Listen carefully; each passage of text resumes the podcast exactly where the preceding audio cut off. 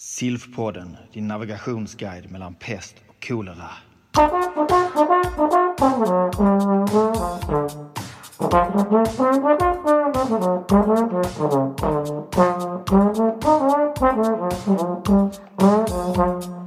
Välkomna till Silfpodden, avsnitt nummer 7 och dagens datum är 31 augusti och vi befinner oss i, på infektionskliniken i Malmö. Och eh, eh, dagens värdar är eh, jag som heter Johan Tam och är infektionsläkare i Malmö. Och jag som heter Fredrik Månsson och är infektionsläkare i Malmö. Och eh, dagens gäst som vi har med oss idag är eh, Malin Alderman ifrån Lund. Varmt välkommen Malin! Tack så mycket. Och idag ska vi prata om stafylokocker och eh, hur man skulle kunna tänkas behandla dessa. Och Malin har nyligen eh, levererat en fantastiskt fin avhandling och disputerat, när var detta? 29 april. 29 april. Och vem var det som du hade som opponent då? Bo Söderqvist som eh, jobbar i Örebro. Just det, och han är väl både infektionsläkare och mikrobiolog va? Ja, fast jag tror att han jobbar mest som infektionsläkare. Okej, Fast på ortopeden. just det. Precis, han håller på med mycket med ortopediska infektioner och där har han väl nytta av eh, en stafylokockkunskap tänker jag. Nu var det ju inte han vi skulle prata om, utan nu är det Malin vi ska prata om. Och eh, skulle du vilja berätta lite grann vad det, dels vad din avhandling heter och lite grann vad den har handlat om?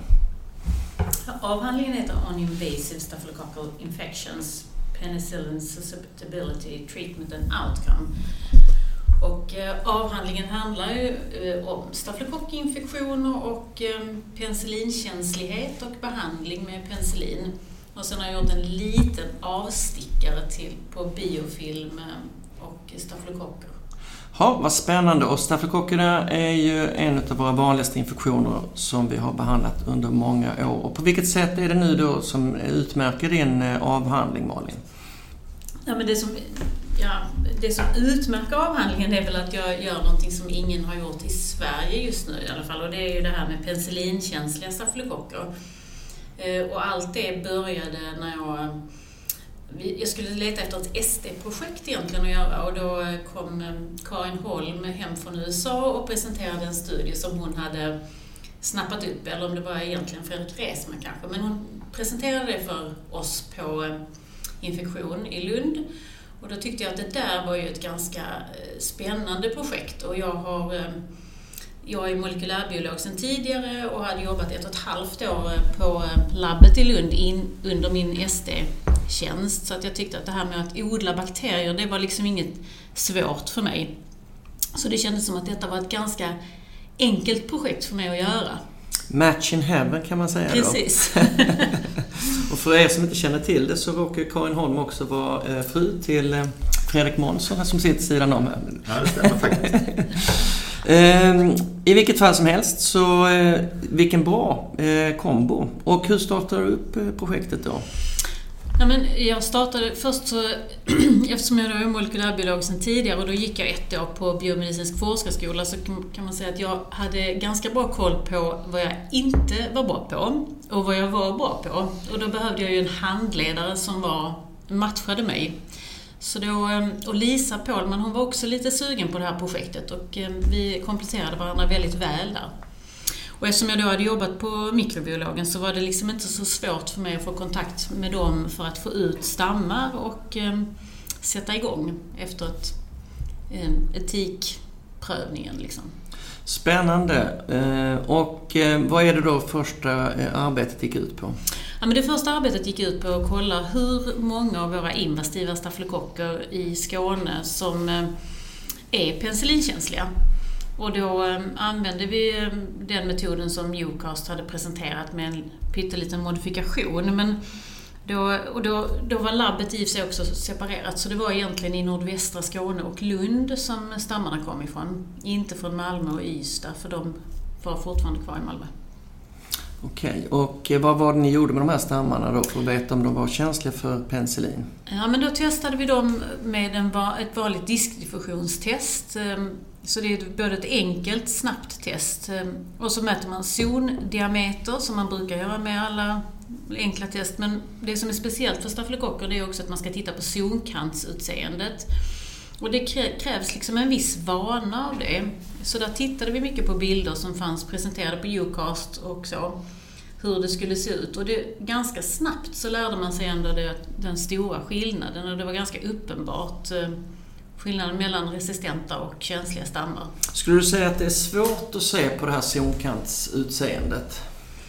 Om man är helt ovan så är det ju det, men inte om man gör det mycket. Nu, nu, för mig var det ju så att jag gjorde det kanske på 400-500 stammar och jag odlade ju upp 50 stammar om dagen så då fick man ju ganska snabbt en ganska stor vana.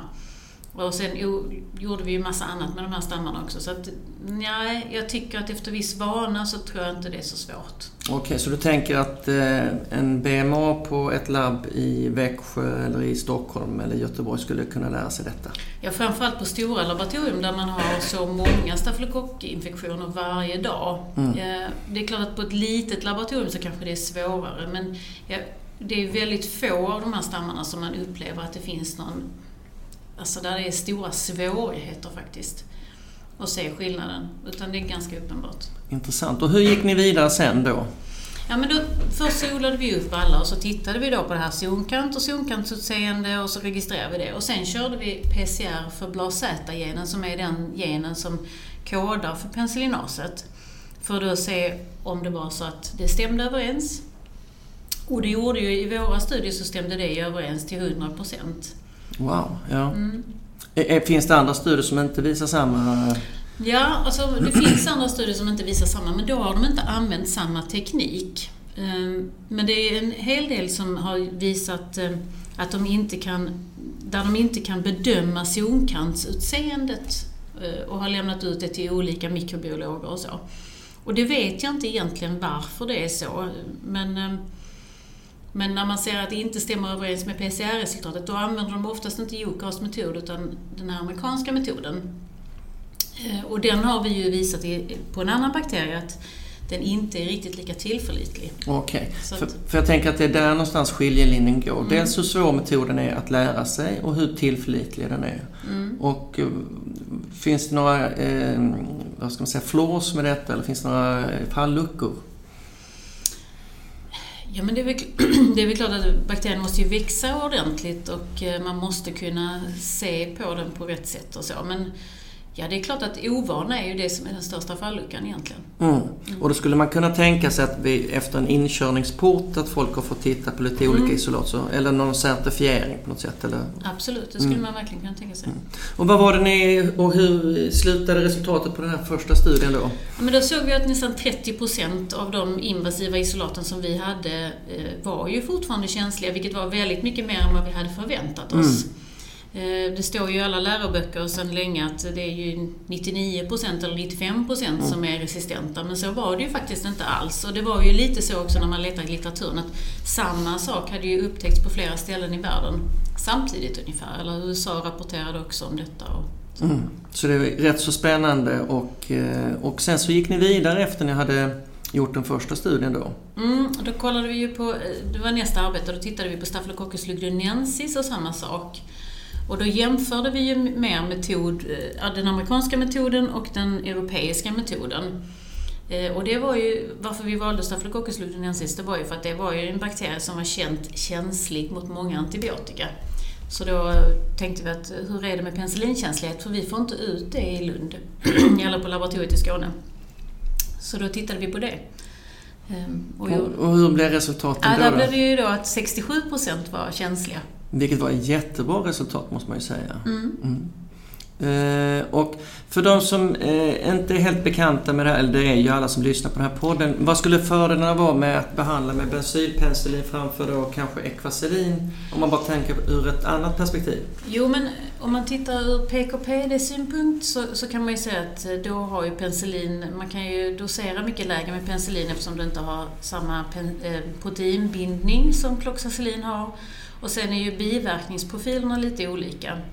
Och för de flesta som, som vet att när man behandlar med kloxacillin under längre tid så får ju patienter oftast tromboflebiter. Det är jättesvårt att ha perifera nålar under längre tid så då behöver man nästan sätta en CVK och sådana saker ser vi inte riktigt på penicillin.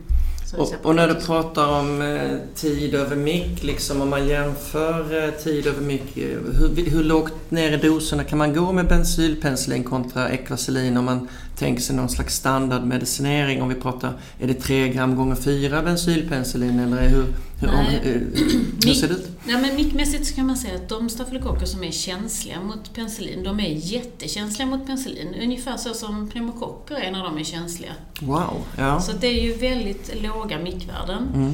Eh, Så att ett gram gånger tre skulle säkert räcka. Men nu har vi skrivit i vårt PM i Skåne, tre gram gånger tre. Och Ja, det är jag har lite, noterat detta. Ja, Ja. och det är lite en... Där fick vi göra någon form av kompromiss också lite för att då hade man också gått in på att eh, alla pneumonier skulle behandlas med 3 gram gånger 3 och det kändes som att detta kommer bli den nya standarddosen. Och då kändes det konstigt att skriva 1 gram gånger 3. Men rent eh, Men teoretiskt skulle det funka med 1 gram gånger 3. Teoretiskt att man ligger, och hur lång tid över mick ligger man på 1 gram gånger 3 då? Eller förlåt, det är ju kanske taskig fråga. Nej, men jag, jag har ju skrivit någonstans här i boken, men jag Ja, det, det är över 50 procent i alla fall. Ja. Någonstans där. Ja, just det. Och Equacillin vill jag minnas att om man ger är 2 ju- gram gånger 3 så ligger det på 26 procent eller Ja. någonting sånt där. Typ så ja. Ja Mm. men typ Mm. 25-26. Mm. Mm. Så en bit över 50 procent på 1 Ja. gram gånger 3. Så 3 gram gånger 3 är en väldigt hög dos egentligen i sånt fall. Absolut. Ja. Mm. Spännande. Och, ja förlåt. Nej.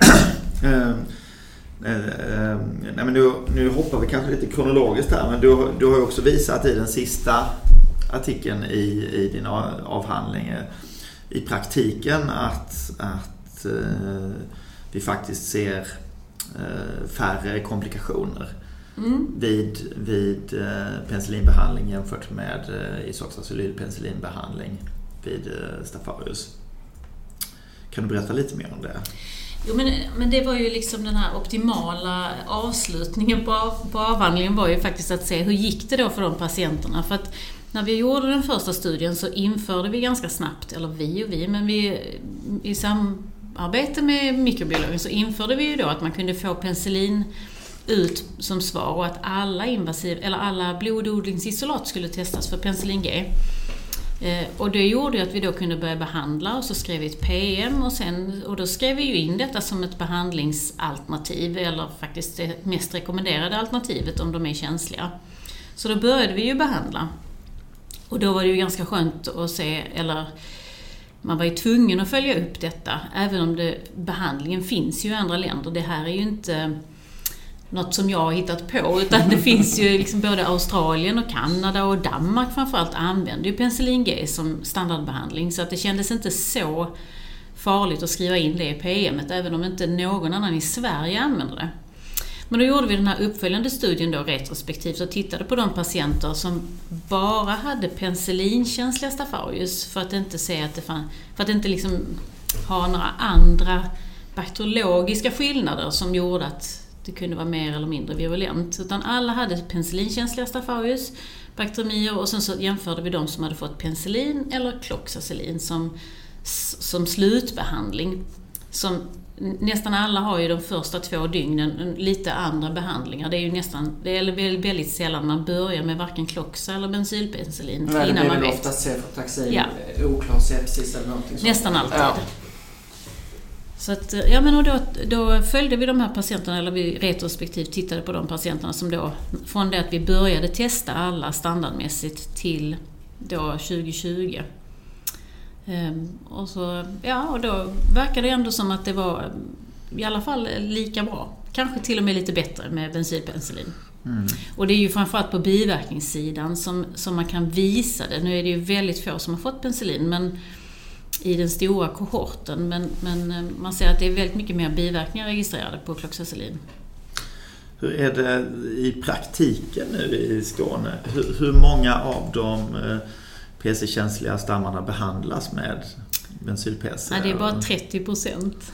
Men då kan man säga att det är ju lite olyckligt för att det var Alltså 30 procent av de som, Som är är käns- bensinkänsliga får behandlar med. Mm, mm, Men då, då kan man också säga att så, var ju, så är ju liksom det som vi har eh, registrerat under den här studien. Men Spela upp hur det låter. Det Tre- sista. 30 procent av eh, de som var bensylpenicillinkänsliga får alltså då bensylpenicillin i Skåne. Är det för att de är fega i Skåne? Nej men det tror jag inte utan det som har varit ett stort bekymmer här det är ju faktiskt att pandemin har varit under en del av den här tiden. Och då har ju inte vi på samma sätt haft hand om alla våra staph aureus-bakterier på infektionsklinikerna. Och eftersom resistensen för penicillin kommer en dag senare, så när de väl har ringt så har vi rekommenderat dem eh, säkert och sen har man liksom släppt det för att vi har haft så himla mycket annat att göra. Så jag tror att det är därför vi också har haft lite lite eh, som har behandlats under den tiden. Så det är inte för skåningarnas feghet utan det har varit varit andra eh, specialiteter som har varit mm. involverade. Och stafylokocker i blodet vill vi ju själva på något sätt ta hand om ju. Ja, precis. Och sen är det också så att en hel del av de här eh, prim, alltså de som vi valde mellan har ju då kanske fått penicillin väldigt sent i förloppet. När det har gått två, tre veckor och då är de ju inte inkluderade i studien. Nej. Utan man måste vara inkluderad om man, man ska få det ganska tidigt. Det blir lite ointressant efter så lång tid för det ja. för mycket annan behandling. Mm. Um, okay. Hur ser det ut i, i Danmark då? Hur, hur duktiga är de på att behandla med, med SUPC där? Jag vet faktiskt inte exakt. Jag har liksom inte sett någon siffra på hur många de behandlar med bensyl-PC av sina PC-känsliga staffar. Men, men uppenbarligen så använder de ju både och. Um. Och det finns väl någon studie i Danmark vet jag väl med ceftaxim kontra mm. bensylpenicillin och eh, kloxacillin. kloxacillin. Mm. Kommer du ihåg resultaten på det där? Hur var, var det? Eller den var lite konstig? Nej men ja, dels så är det ju så att den är då den vill försöka visa då att ceftaxim är sämre, eller cefalosporiner är sämre än penicilliner. Men där har man liksom inte jämfört kloxacillin och penicillin. Eh, och det är ganska få i den gruppen som har fått penicillin. Och nu när du ändå eh, pratar om cefotaxim och staphylococcus så har man då plötsligt, i, eller plötsligt, det är något år sedan, så har man ju bestämt sig för att man måste gå upp i dos mm. med cefotaxim. Det hör ju inte till det här ämnet kanske. Men eh, om man pratar om tid över mick, eh, både vad det gäller ceftaxin, bensylpenicillin och ekvaselin. Känns det helt logiskt att man ska ha en dos på 2 gram gånger 3 som standarddos på Staffaros kontra ceftaxin 2 gram gånger 3? Du som expert. Nej, just det är jag faktiskt inte expert på alls. Jag har, under, den, under den eh, höjningen har jag ju bara hållit, hållit på med det här. Ja, okay. så jag vet inte, men man kan ju säga att det, här, det hade ju varit mer logiskt att man satte kloxacillin 2 gram gånger 4 eller 2 gram gånger 6 kan jag ju tycka. Ehm, istället för att ändra ceftaximet. Men, ja, vi mm. får mm. se om Christian Giske lyssnar på den här podden ja. så får han komma tillbaka med något annat då. Eh, Okej, okay. Eh, och då hoppade vi från Lugdunensis där många var bensinpenicillin mm. och sen så, eh, förlåt, bensinpenicillinkänsliga upp mot över 60, 67 procent. Ja, två tredjedelar. Ja. Mm. Eh, och det är väl en lite lurig bakterie att behandla annars. Jag vill mena att klindamycin och sånt där inte är rätt så bra också, eller nej? Det...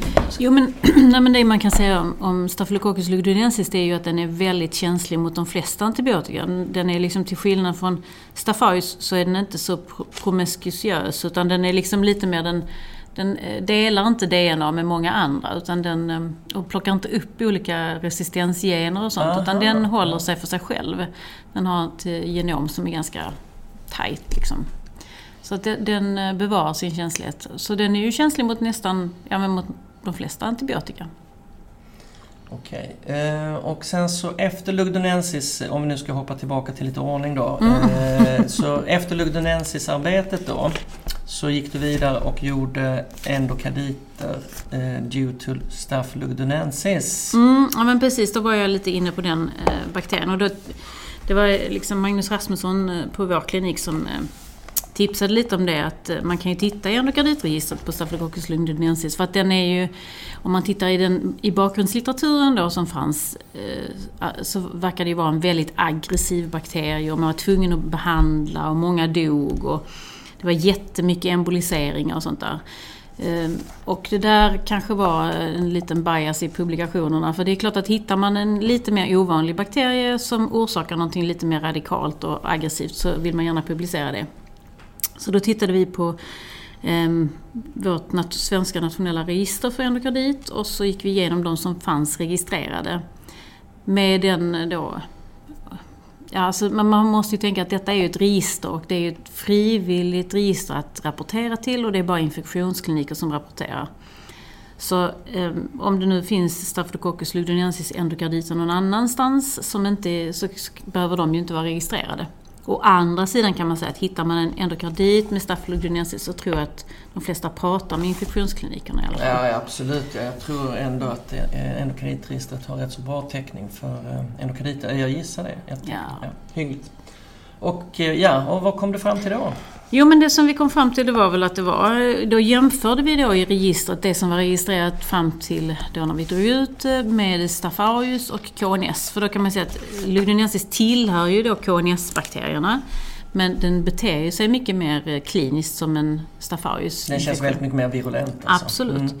Och det, det som man kunde säga då det var att eh, precis som man har sett tidigare så infekterar den i stor utsträckning nativa klaffar. eh, Som, eh, men det fanns beskrivet sedan tidigare. Men emboliseringsfrekvensen var mycket, mycket lägre än vad, vi, än vad som fanns rapporterat och mycket lägre än både KNS och Staphylococcus.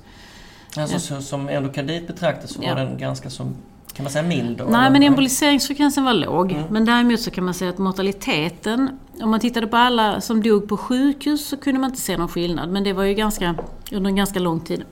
men om man tittade på 30 dagar så verkade det som att de som hade st- Staphylococcus de dog tidigt. Mhm. De dog mycket tidigare och de behövde opereras tidigare än, än endokarditer med aureus och KNS. Hur ska man kunna tolka det då? Menar Men det är nog en ganska aggressiv bakterie i alla fall. Mm. Mm. Och det är inte bara äldre svårt sjuka som får det utan det är Nej. yngre också eller? Eh, Det är inte så jättemycket yngre men, men ehm, det är ju, de är ju i samma ålder som Staphylococcus Mm. eh, och KNS. Om man tar bort ehm, de som är IV-missbrukare i Staphylococcus-gruppen så är de ju jämngamla allihopa men de är ju över 70 år. Mm. Men idag är det ju ingen ålder. Eller hur? Ja exakt ja. Jo det Så var att, ehm, precis 70 är det nya 50 Mm. förutom när man får Corona då. Då är 70-70. ja men precis. Ja. Eh, och efter Lugdunensis eh, och endokarditerna eh, Förlåt, skulle du gå in och behandla en endokardit med Lugdunensis med bensylpenicillin utan att tveka? Absolut. Mm. Nej, men det tycker jag verkligen. Om man, om man har en... Jag, jag kan liksom inte riktigt förstå varför man skulle använda Cloxacillin som jag upplever som ett sämre medel än bensyl-PC. Mm. De är ju precis som Staphylococcus ganska känsliga för bensylpenicillin. Mm. Så att, och st- står det med i de nationella rekommendationerna för endokarditbehandling eller hur eh, väl har eh, Magnus Rasmusson drivit detta? Det tror jag inte att det gör, utan där står det nog bara väldigt luddigt liksom. det står att Staphylococcus att man ska tänka på att det är en aggressiv bakterie. Okej. ja, ja. Man kan, man, ja, okej. Jag tror Att inte bakterier varit- kan ta livet av folk då? Är det en Absolut. sammanfattning av vårdprogrammet? Ja, ja, men precis. Nej, men att man ändå ska vara ja, aktiv. Ja, Liksom. Mm. okej. Man ska inse att man har att göra med någonting som kan vara potentiellt eh, dödligt. Mm. Och efter denna spännande studie då med endokardit och lugdunensis så gick du in på en artikel 4 som vi kanske då har pratat om. Nej, nej, nej. Nej. Nej. nej det var en Nej, men projekt-. Just det. Ja men precis. Och det, det var jag tvungen att göra för att jag egentligen hade ett annat projekt men det kunde jag inte göra nu med Corona. Aha. Och det var att jag ville titta på egentligen eh, hur stor um, tid över mick får vi med bensylpenicillin eller kloxacillin eh, om man mäter i blodet. Aha, så att någon slags realtidsmätning då. Precis. Hur väl stämmer den här eh, teorin kontra praktiken? Precis. Spännande. Mm, och sen se om man kunde koppla det till outcome, om det spelade någon roll. För det som är konstigt med kloxacillin det är att vi teoretiskt kan räkna ut att det är så himla låg tid, fritid över mick. Mm. Men, eh, och, och det fungerar kanske inte optimalt, men det fungerar inte riktigt så dåligt. Så det finns någonting som inte riktigt stämmer där. Men, men det projektet det fick ju liksom läggas på is med Corona och så, så att eh, då fick jag hitta på ett nytt projekt. Mhm, Okej, spännande. Och då tittade vi på staphylococcus och protesinfektioner. Aha. Mm. Och då använde vi ehm, då tog vi fram eh, Ludonensis-bakterier från labbet och sen så eh, de som hade protesinfektioner. Och så tittade vi på biofilmsbildning hos Staph ludonensis. Mm. Och så om det gick att koppla till hur det gick för protesinfektionerna. Mm. Och vad var det ni kom fram till då? Jo, men då kom vi fram till att eh, om, om stammarna bildade en robust biofilm, Mm. alltså en ganska stark biofilm Mm. och tjock, Mm. Då var de mer benägna att ge recidiv trots att man behandlade med operation och med adekvat antibiotika så som man ska göra. Alltså biofilmspenetrerande antibiotika. Absolut. Mm. Så att man kan eh, mäta styrkan på biofilmen utifrån den bakterie man har odlat fram för att veta Ja, och då, det är ju också eh, alltså en stor drawback i det är ju att det här är ju en väldigt ehm, det är ju en in vitro-testning av Okej. biofilmsbildning och eh, vi följde någon sån här standardprogram som är beskrivet för stafylokocker, hur man ska testa biofilm.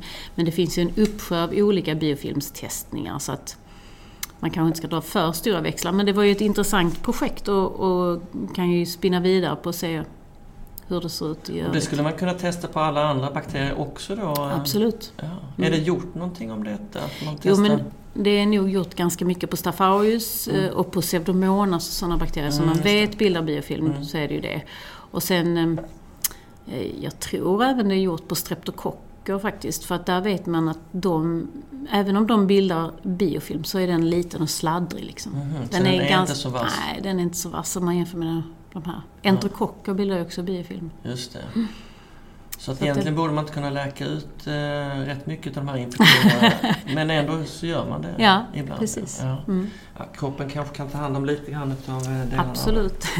Eh, jaha, vad intressant. Och sen så är eh, mycket spännande. Jag visste faktiskt inte att man kunde testa biofilmsstabiliteten på det sättet. Det är Mm. rätt så, känns som ett rätt så spännande fält faktiskt. Jo men det är det ju och det är väl eh, där Lisa Paulman håller på ganska mycket. Okej, Mm. ja. Så det var ju en- en bra match. Kanske vi kan gå vidare med en sån podd med Lisa Paulman och biofilm. Det låter Mm. spännande. Eh, och sen så gick du då vidare till din sista, tror jag då, Mm. eller senaste sista Mm. eh, del i din avhandling. Och där tittar du på det som vi redan har varit inne och spånat på.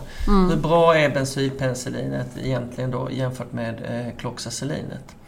Eh, och där kan vi komma fram till att bensylpenicillin är bättre ur en biverkningsprofil men utläkningseffekterna är ungefär detsamma. Är det korrekt uppfattat? Ja, alltså nu var det ju så få så det är svårt att säga egentligen hur, eh, om det finns någon reell skillnad. Du I- tänker att den är underpowered? Ja, men det är den ju för att kunna säga någonting om överlevnad och relapse. Mm. Men när man sammanfogar alla negativa, det var det vi gjorde, vi gjorde en, liksom en skala där man sammanfogade, eller där man hade olika steg. Eh, hur dåligt man kunde ha det eller hur bra man kunde ha det. Antingen så överlevde man ju 90 dagar och hade inga som helst biverkningar. Eller så fick man biverkningar men ingenting annat. Eller så fick man biverkningar som behövde behandling. Eller så fick man då eh, en, eh, en behandlingssvikt som då tolkades i Melior. Och det var, där var vi ganska strikta med att man var tvungen att skriva det i Melior. Alltså en doktor var tvungen att ha verifierat det. Eller så var vi tvungna att se eh, att det fanns ett antibiotikabyte som föregicks av feber eller CRP-stegring. Så att man kunde förutsätta att det var någon form av, man upplevde det som en behandlingssvikt innan man bytte. Och, och, vad är det då för biverkningar man kan förvänta sig att få på ekvasin? Taskig fråga kanske, jag vet inte. Nej, men det vanligaste är ju eh, diarréer, Mm. diarrésjukdomar. Även om inte man, det, det, var inte, det var ju inte alla som hade blivit provtagna för klo, klo, klostridier, Mm. men, men diarrésjukdomar var ju det vanligaste. Mm, Men även illamående och svampinfektioner och så. Som gjorde att de inte kunde fortsätta med den behandlingen då? Nej, det som gjorde att man inte kunde fortsätta det var ju framförallt utslag och eh, ja, diarrésjukdomar var det ju faktiskt en hel del. Mm. Mm. Men sen var det också någon som slutade på grund av leverbiverkan och så. Okej, ja. Och hur var det med njursvikt och sånt där då? Ja, Njursvikt, det, hade vi, det registrerade vi faktiskt inte för Nej. det var väldigt svårt Mm. eh, att registrera. För att när patienterna är dåliga så kan de ju få njursvikt av så himla mycket Ja. annat och man ser en kreastegring. Men det var, fanns ingen som hade motiverat att de slutade med kloxacillinet på grund av njursvikt. Så att, eh, det var inget som vi kunde se som stod ut, Mm. eller stack ut liksom så. Tittade ni på kärlretning och nödvändigheten av centrala infarter? Nej, det var också, det hade vi jättegärna velat göra och eh, nu när vi ska göra en prospektiv studie mellan kloxacillin och bensylpenicillin så, så vill vi ju göra det för att det är ju... Eh, alltså vi har ju en känsla av att det finns väldigt mycket mer tromboflebi, tromboflebiter på kloxacilinbehandlingen och så. Men det fin, vi har ju inget system för att registrera det i Melior, eller det registreras väldigt dåligt. Eh, och därför så använder vi oss inte av den eh, parametern för att det skulle bli lite orättvist. mot de olika, eller mellan de olika preparaten. Har man en standardiserat sätt att, att berätta om det så, så är det lättare att titta på. Mm. För det står även som en biverkan på bensylpenicillin. Och hur är det i den prospektiva studien ni ska göra nu? Kommer ni randomisera mellan Ja. Eh, så det är en klassisk RCT på Mm. penicillinkänsliga Ja, Staphylococcus bara på aureus, Ja. antar jag då. Mm. Ja. Och får ni med er övriga Sverige då, eller är det ett skånskt projekt? Nej, det här blir, det blir väl initialt så kanske... Alltså vi i Skåne kan ju starta lite tidigare men vi har eh, samarbetspartner både i eh, Umeå och Stockholm och Göteborg. Spännande. Och. Och, där, och där går de med på att testa de då stammarna, eller hur blir Eh, det? Det, alltså, nu, nu är vi ju liksom i ett uppstart när Aha, vi ska ja. starta projektet. Så Ja. vi får se lite hur vi ska få dem att göra detta. Eh, och eh, vad spännande, för jag vet att de håller på med en prospektiv studie i Australien, Mm. David Patterson. Han Mm. har ju hållit på med detta ett tag också tror jag. Men jag Mm. har inte sett några resultat på detta, har du det? Nej, och jag tittade faktiskt ganska nyligen eftersom vi funderade lite på om vi skulle, skulle vi göra en prospektiv studie redan då när vi tittade på det här. Eh, Men det blev ju liksom för dyrt. Så jag har följt dem lite sen dess men eh, det finns inga resultat. Men det enda han har kommenterat, eh, eh, på den här artikeln, den senaste artikeln när den publicerades, då kommenterade han att deras studie skulle svara prospektivt på detta. Men de har, deras studie är ju enorm och de har jättemånga saker de ska svara på så att jag vet inte riktigt när det kommer att bli publicerat. Och vad, vad tror du att man kan förvänta sig av en sån här prospektiv studie? Om man nu får tänka ett önskescenario, eh, ett möjligt scenario. Eh, Ett önskescenario är väl att det blir bättre men ett, eh, ett möjligt, det, det som jag egentligen känner är det viktigaste är att det inte blir sämre i alla fall. Okej. Mm. För det finns ju andra praktiska saker som också kan vara eh, en skillnad mellan bensylpenicillin och kloxacillin. Nu använder vi ju kloxacillin i fyrdos i Skåne och, så, och bensylpenicillin i tredos. Så bara en sån praktisk sak för sjuksköterskorna är ju en skillnad som gör att bensylpenicillin är att föredra. Mm. Och alltså om det nu skulle vara en patient med en endokardit med Staphylococcus som är penicillinkänslig, då räcker det rimligtvis med 3 gram gånger 3 då? Eller tre gånger fyra kanske. Okej. För, som i, ja, men man får titta lite på streptokockerna där, hur man behandlar endokarditer tänker jag. Okej. Ja. Men tid över mick och dosjustering och allt Mm. annat så rent teoretiskt borde... Eller förlåt, nu säger jag... Nu vill jag få fram ett svar som du inte vill ge mig, märker jag. Eh, Okej, vad spännande. Och... Men då- eh, ja. ja, förlåt, men då kommer ni titta både på, alltså ni kommer titta på Staphylococcus bakteriemier Mm. inklusive endokarditer. Absolut, alla staphylococcusbakterier. Och det kan man säga, det är ju den stora utmaningen med staphylococcus-infektioner, det är ju att de är väldigt heterogena. Vi har ju det som vi kallar i Skåne för okomplicerad staphylococcusbaktemi som vi behandlar på ett sätt, men sen finns det ju en uppsjö av alla de här spondylodiskiter, endokarditer, artriter, allt som vi har liksom. Och det, alla kommer ju få ingå, precis som de gjorde i den här retrospektiva studien. Såg ni någonting på recidivfrekvens i er retrospektiva studie? Ja, men inte signifikanta siffror. Så att det är liksom... eh, Då kan man säga att det var fler eh, recidiv i, procentuellt i kloxacillingruppen. Men, men det är ju svårt att säga när det inte är signifikant. Så att jag kan inte uttala mig om det. Nej, det är mycket spännande att se. Ja, Jag tänker mig att man, man ser ju bakteriemi med Staphylococcus som eh, känns som en rätt så lindrig variant. Liksom, att det är något snabbt övergående. Och sen ser man då den här livshotande sjukdomen där folk eh, brakar in och dör. Liksom. Eh, det känns som en rätt så heterogen sjukdom. Mm. Skulle du hålla med om det? ja verkligen. Absolut. Och jag tänker att de här som är aggressiva, de, man, man tänker sig dels att det säkert är bakterien men också världen och sen så är det väl säkert också vilken typ av infektion man får. För det är klart att det är stor skillnad om man har en protesinfektion eller en spondylodiskit eller en endokardit. Ehm, om man då inte är IV-missbrukare till exempel. Så kan man ju tycka att det, de upplever jag inte, de dör ju inte i någon stor utsträckning men endokarditerna kan ju göra det. Mm. Så att ehm, det är klart att det spelar väldigt stor roll. Mm. Och är det någonting i, om du, du som expert på Staphylococcus nu då. eh, är det någonting du tänker att det här skulle vi kunna bli bättre på? Vad, är det vi, eh, vad gör vi fel då? Eh, rätt så bred, flummig fråga kanske. Ja, jag, jag kan säga att det- det finns säkert många fler som är bättre experter på Stafarius än vad jag är. Men, men man kan säga att det som, när man ser sådana här studier där man ser att infektions, om infektionsläkare är inblandade så har man en ökad eh, överlevnad och en minskad mortalitet. Det säger kanske lite om att vi ändå letar infektionsfokus på ett annat sätt, tänker jag. Jag tror att det är det som är svaret på, på hela den eh, att man får en minskad mortalitet. Mm. Att då hittar vi fokus och istället, vi släpper inte dem. Mm. Ja, tänker. om vi tittar mer på bakteriestammarna, borde vi typa mer?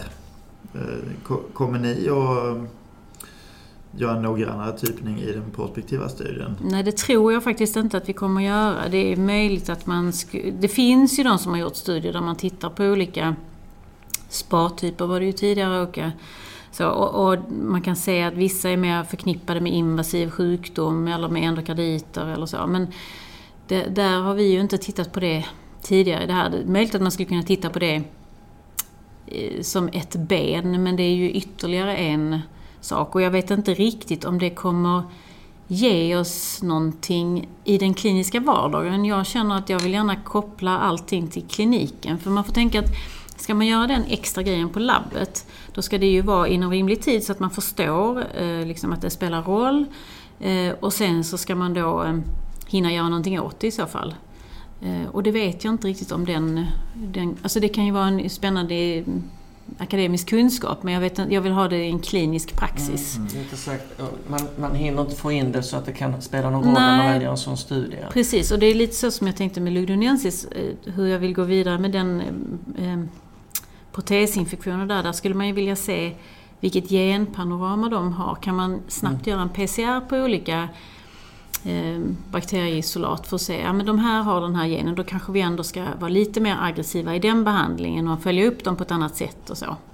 Så det är lite samma tanke där ja. Ja, men jag, ja, Eh, Du, det låter som en eh, bra avslutning, äh, avslutning att infektionsläkaren ska vara involverad i Staphylococcus eh, bakteremi och eh, då tänker jag att det blir en non-inferior studie då, eller har ni gjort någon powerberäkning eller hur tänker ni er? när Hur många har, patienter behöver ni? Hur mycket ska Sverige hjälpa till?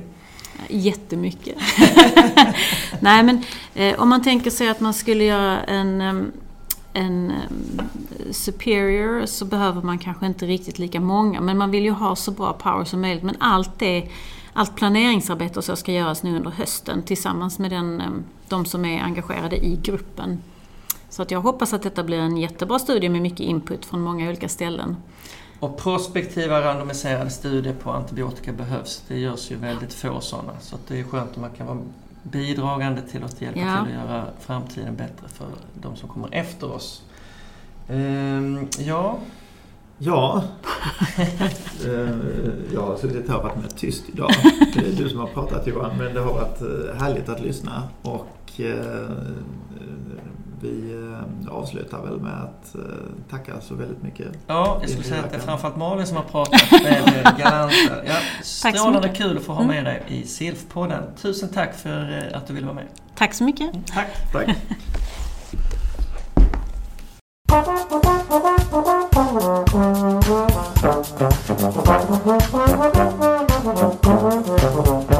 you.